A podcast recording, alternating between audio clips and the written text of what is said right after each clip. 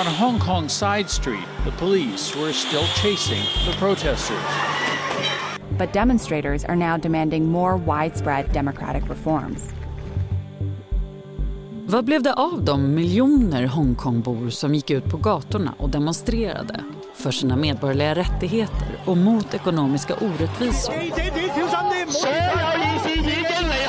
På en kvart får du veta hur säkerhetslagen på bara ett dygn gjorde all opposition omöjlig i ett av världens handelscentrum.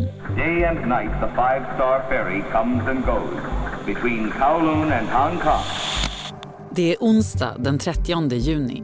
Jag heter Annie Reuterskiöld. Här är dagens story från Svenska Dagbladet.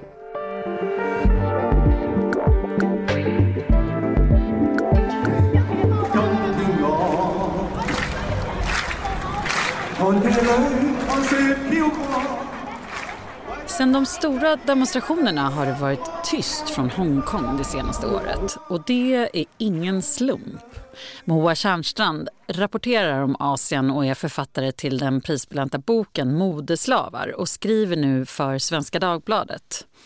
Moa, när var du senast i Hongkong? Jag var i Hongkong senast eh, i augusti-september 2019.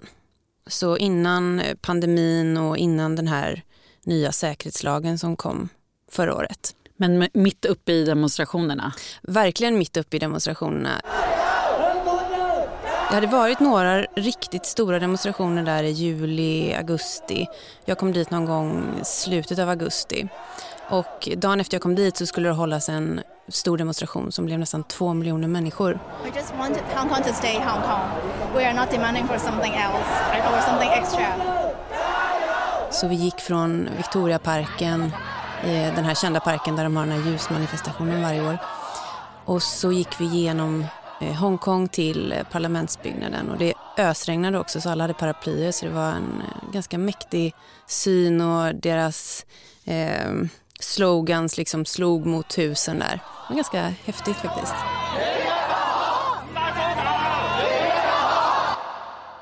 Nu har det varit tyst länge från Hongkong men om du kan fräscha upp vårt minne lite grann, vad handlade de här demonstrationerna om? Alltså de började som en proteströrelse mot ett eh, beslut om att man ska kunna lämna ut misstänkta brottslingar från Hongkong till fastlandskina. Eh, och det ville man ju inte då skulle hända eftersom att eh, fastlandskina har ett eh, liksom politiserat rättssystem medan Hongkong har ansetts ha haft ett fritt rättssystem. Så det var ju det som det handlade om till att börja med då.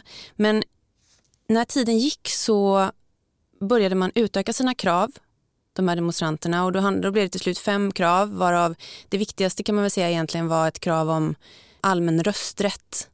Det vill säga att jag går och lägger min röst och påverkar alla platser i det nationella lagstiftande parlamentet. Då. Systemet där har inte sett ut så utan en del av de här representanterna utsätts på andra sätt. Eh, så det handlar dels om det men det handlar också om att man ville att eh, den högsta liksom, ledaren i Hongkong skulle väljas också, vilket hon inte gör idag då.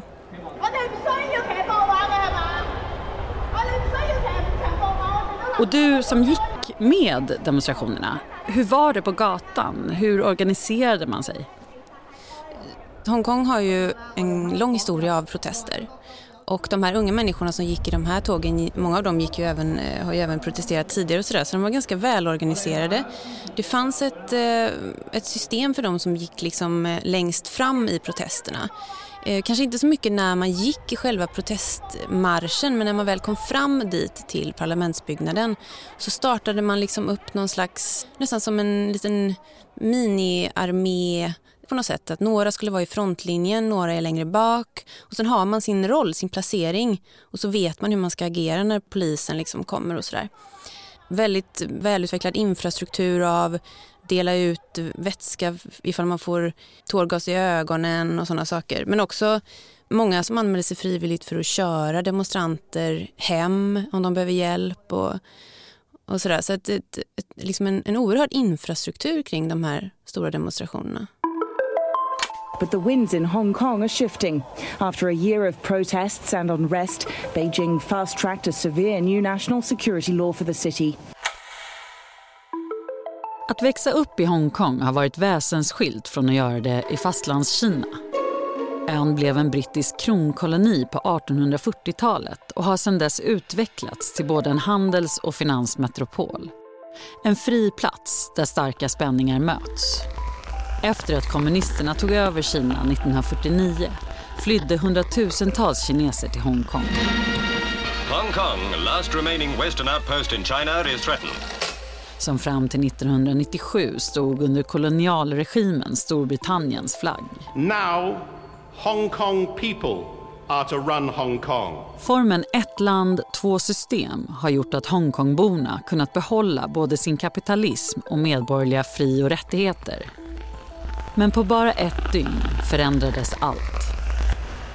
Sen den 30 juni 2020 så har ju Hongkong den här säkerhetslagen. Hur har den påverkat livet där? Den kom ju lite som en chock tror jag för väldigt många människor där och började liksom påverka deras liv direkt när den trädde i kraft.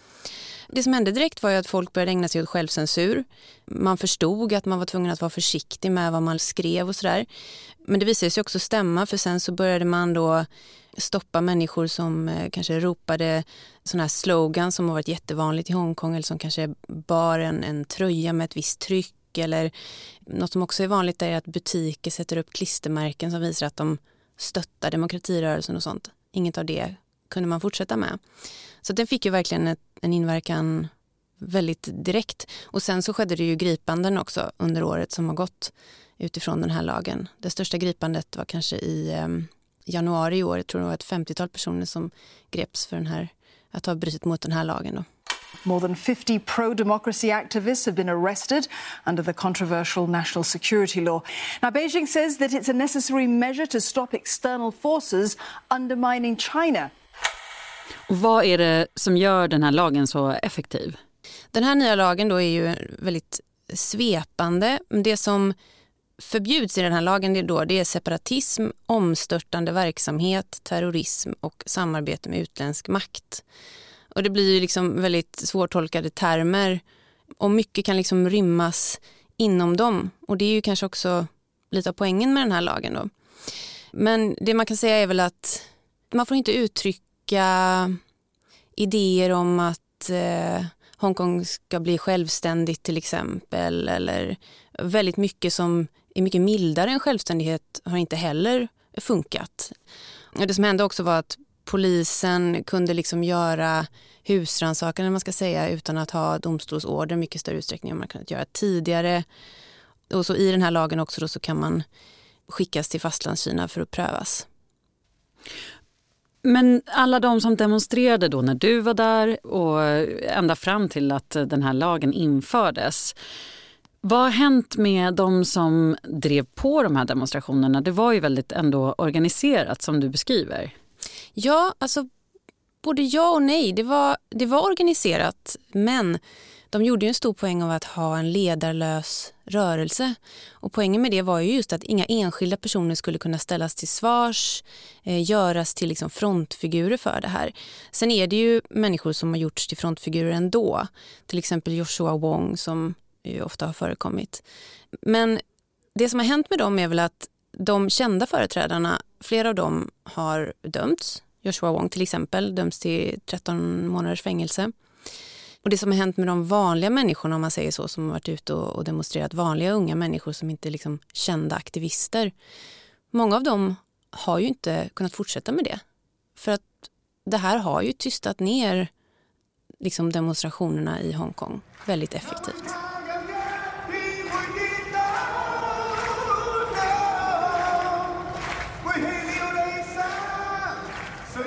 Om man tänker sig in i att, eh, att gå där och, och, vara från Hongkong och kämpa för det här. All den, alla de här känslorna och engagemanget har nu bara tystats. Mm. Är, det, mm. är det hållbart? Alltså, kan man hålla så många människors eh, starka engagemang och känslor fången på något sätt? Ja, det, nej men det är en väldigt bra fråga. Och, och jag har också liksom frågat mig det och undrat det ganska mycket. Men mina vänner och bekanta där som jag har pratat med eller frågat om det här, de är ju, jag skulle nästan beskriva det som att de är liksom uppgivna på något sätt. Att de liksom såg det här komma och nu har de insett att nu har det liksom gått över en gräns där det inte kommer att finnas någon direkt återvändo. Så att eh, det borde ju inte gå, men man har ju lyckats delvis att framförallt skapa en självcensur. Är det enbart genom den här säkerhetslagen eller har Kina använt andra medel? Nej, det är framförallt genom säkerhetslagen. Men sen också så har ju den här nya lagen använts för att göra om grundlagen i Hongkong så att man även har liksom gjort om det politiska systemet. Man har liksom skapat en situation där den lagstiftande församlingen kommer att sannolikt att vara mer Pekingvänlig. Eh, till exempel så måste alla som ställer upp, ställer upp för val till det lagstiftande parlamentet godkännas av en kommitté där väldigt många är Pekingtrogna. Så att man, ja, precis, man har också försvårat den vägen. 爱国主义情感让我们热泪盈眶，爱国主义精神构筑起民族的脊梁。 Du var inne på det lite med Kinas inriktning. Eh, Xi Jinping höll nyligen ett tal inför politbyrån där en del uppfattade ett förändrat budskap. Att, att huvudfokus nu skulle göra, eh, vara att göra Kina mer trovärdigt, älskat och respekterat i omvärlden. Real President Xi Jinping is encouraging senior Communist Party officials to create a trustworthy, lovable and respectable image for the country. Kan det påverka Hongkong? Ja, men det finns lite olika tolkningar av det som Xi Jinping sa under den här sessionen med politbyrån. Och de flesta verkar vara överens om att det handlar om att det som du säger snarare än det som eh, du gör. Och att det då skulle påverka Hongkong, det skulle snarare påverka hur man kommunicerar kring Hongkong då. Alltså för Kina så är det ju väldigt viktigt hur omvärlden uppfattar Kina om man tycker att man har blivit missförstådd av väst. Så det handlar väl snarare om det, att, att hitta ett nytt sätt att kommunicera på, att kanske justera sin um, hårda taktik i de lägen där man kan se en vinning i det och tvärtom. För de som inte ser någon framtid i Hongkong finns ett alternativ, att söka asyl i Storbritannien. I början av året lättades visumkraven och Hongkongbor har rätt att resa in i landet och sen ansöka om brittiskt medborgarskap. We want to hold out our hand, a hand of friendship and support and loyalty uh, to the people of Hong Kong. I think that's the right thing to do. Det har till exempel Nathan Law gjort, en av de mest tongivande demokratiaktivisterna. I decided to flee Hong Kong because uh, if I were stay in Hong Kong I would be locked in jail for decades. Men bara den senaste veckan greps Fung Wai-kong som var redaktör vid en prodemokratisk tidning på flygplatsen då han försökte lämna Hongkong. Sex andra journalister på tidningen hade då redan arresterats med hänvisning till säkerhetslagen. Att tro att det skulle kunna vända tillbaka till någonting liknande så som det har varit tidigare Eh, under liksom den här perioden sedan överlämnandet från Storbritannien det, det, det, tror jag inte att någon där tror eller klarar att hoppas längre riktigt.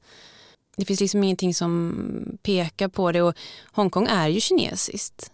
Och man, man gav ju ett löfte till Storbritannien vid överlämnandet om att man skulle behålla ett land, två system. Men, eh, och det är ju det man går ifrån nu. Liksom. Men att det skulle gå tillbaka till någonting som liknar det igen, det, jag tror inte det. Vad säger de du eh, känner i Hongkong om framtiden? Det beror ju helt på vilken, vilket håll du kommer ifrån. Alltså, businessmänniskor där är ju oroliga för att Hongkongs eh, rättssystem inte ska anses säkert längre och att eh, på något sätt eh, finansvärlden och businessen ska lämna Hongkong och vad det skulle innebära.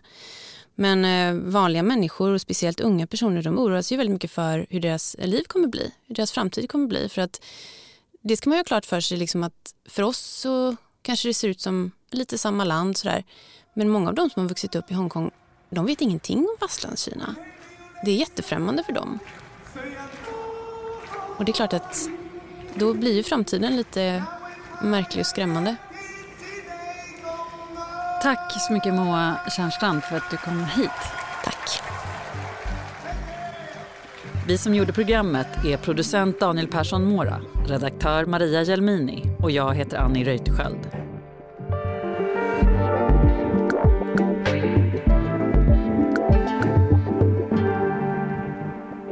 Ljudklippen i dagens avsnitt kom från CNBC, CGTN, CBC, The Times och BBC.